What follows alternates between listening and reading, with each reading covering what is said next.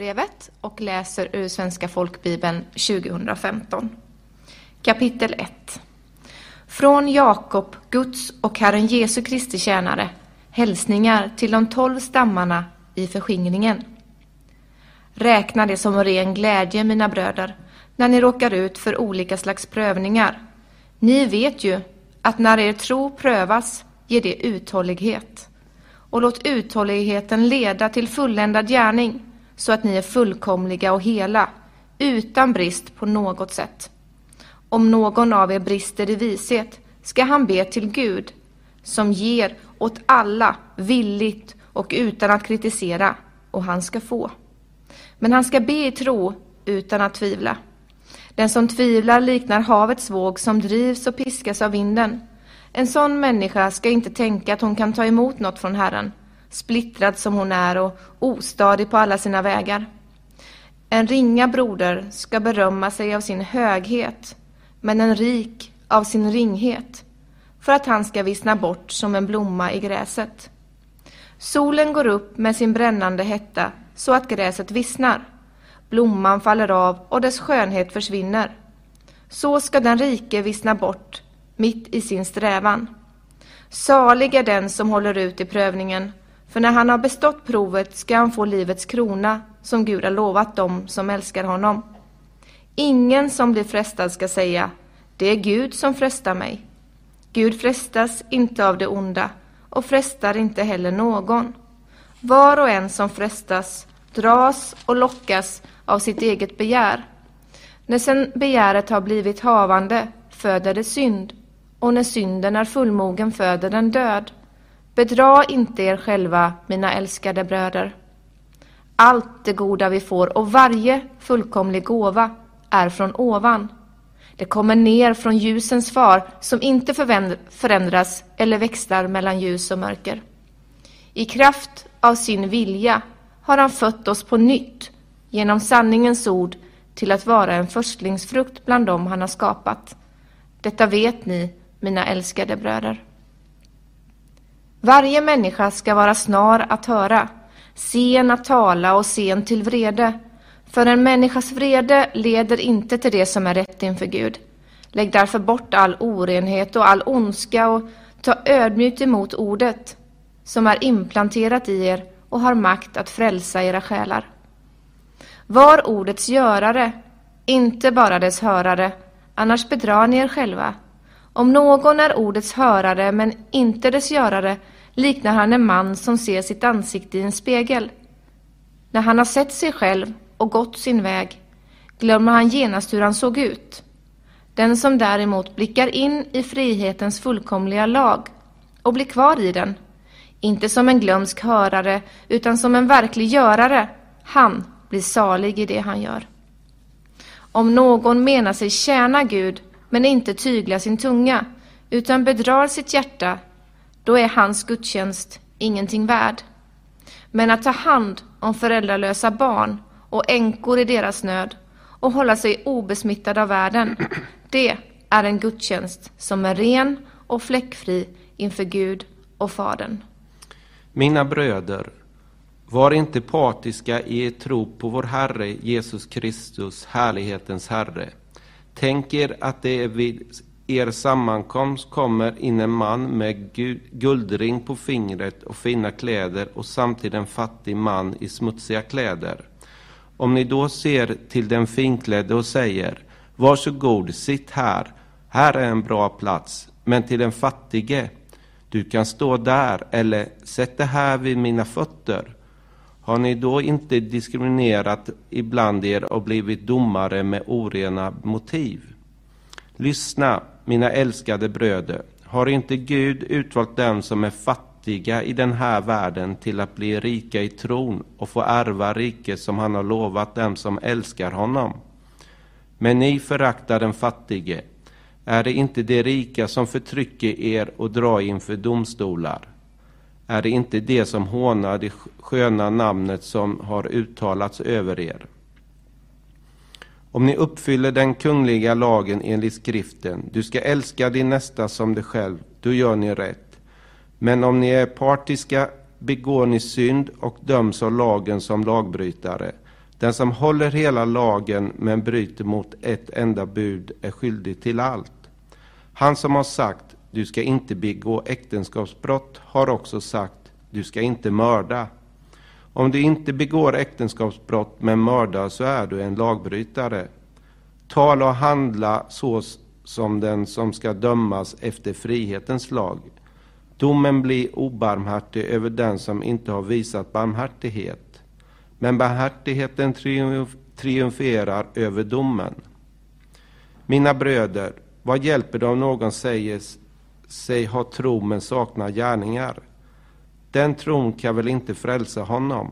Om en broder eller syster saknar kläder och mat för dagen och någon av er säger till dem, gå i frid, klä er varmt och ät er mätta, men inte ge dem vad kroppen behöver, vad hjälper det?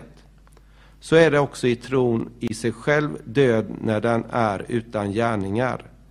Nu kanske någon säger, du har tro, ja, men jag har också gärningar. Visa mig din tro utan gärningar, så ska jag visa dig min tro genom mina gärningar. Du tror att Gud är en, det gör du rätt i. Även de onda andarna tror det och de bävar. Men vill du inte inse, tanklösa människa, att tron utan gärningar är död? Blir inte vår far Abraham erkänd som rättfärdig genom gärningar när han bar fram sin son Isak på altaret? Du ser att hans tro samverkar med hans gärningar och genom gärningarna blev tron fullbordad. Så uppfylldes skriften som säger Abraham trodde på Gud och det tillräknades honom som rättfärdighet och han kallades Guds vän. Ni ser alltså människan erkänd som rättfärdig genom gärningar och inte bara genom tro. Blev inte den prostituerade Rahab på samma sätt erkänd som rättfärdig genom gärningar när hon tog emot sändebuden och släppte ut dem en annan väg? Liksom kroppen utan ande är död så är tron utan gärningar död. Kapitel 3 Mina bröder, inte många av er bör bli lärare. Ni vet ju att vi ska få en strängare dom. Vi begår alla många fel. Om någon är felfri i sitt tal är han en fullkomlig man som också kan tygla hela sin kropp. När vi lägger betsel i munnen på en häst för att han ska lyda oss styr vi också hela hans kropp. Se också på fartygen som är så stora och drivs av hårda vindar. Ändå styrs de med ett litet roder dit rorsmannen vill. På samma sätt är tungan en liten lem som kan skryta stort. Tänk på hur en liten eld kan sätta en stor skog i brand. Och tungan är en eld, en värld av ondska bland våra lemmar. Den smutsar ner hela vår kropp och sätter hela livet i brand och får själv sin eld från Gehenna. Alla slags fyrfotadjur, fåglar, kräldjur och vattendjur låter sig tämjas och har blivit tämjda av människan. Men tungan kan ingen människa tämja. Den är ostyrig och ond och full av dödligt gift. Med den välsignar vi Herren och Fadern och med den förbannar vi människor som är skapade till Guds avbild. Från samma mun kommer välsignelse och förbannelse. Så får det inte vara, mina bröder. En källa kan väl inte från samma åder ge både sött och bittert vatten? Mina bröder, ett fikonträd kan väl inte ge oliver eller en vinstock ge fikon? Inte heller kan en salt källa ge sött vatten. Är någon av er vis och förståndig, då ska han visa sina gärningar genom ett klokt, vänligt och gott uppträdande. Men bär ni bitter avund och rivalitet i ert hjärta ska ni inte skryta och ljuga i strid med sanningen. En sådan vishet kommer inte från ovan, utan den är jordisk, oandlig, demonisk. För där det finns avund och rivalitet, där finns också oordning och all slags ondska. Men visheten från ovan är först och främst ren, dessutom fredlig, mild, följsam, full av barmhärtighet och goda frukter, opartisk och uppriktig. Rättfärdighetens frukt sås i frid och ges åt dem som skapar frid. Kapitel 4 Varifrån kommer alla strider och konflikter ibland er? Kommer det inte från begären som kämpar i era kroppar? Ni vill ha men får inget. Ni mördar och avundas men vinner inget. Ni kämpar och strider men har inget därför att ni inte ber.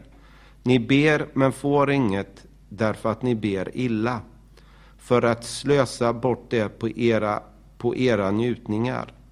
Ni är otrogna, vet ni inte att vänskap med världen är fiendskap med Gud? Den som vill vara vän med världen blir fiende till Gud. Eller tror ni att det är tomma ord när skriften säger svartsjukt längtar anden som har låtit bo i oss. Men större är nåden som man ger. Därför heter det Gud står emot de högmodiga men ger nåd åt de ödmjuka. Underordna er därför Gud, stå emot djävulen så ska han fly från er. Närma er Gud så ska han närma sig er. Rena era händer, ni syndare, och rena era hjärtan, ni splittrade. Klaga, sörj och gråt. Vänd er skratt i sorg och er glädje i bedrövelse. Ödmjuka er inför Herren, så ska han upphöja er. Förtala inte varandra, bröder. Den som förtalar sin broder eller dömer sin broder förtalar och dömer lagen. Men om du dömer lagen är du inte lagens görare, utan dess domare.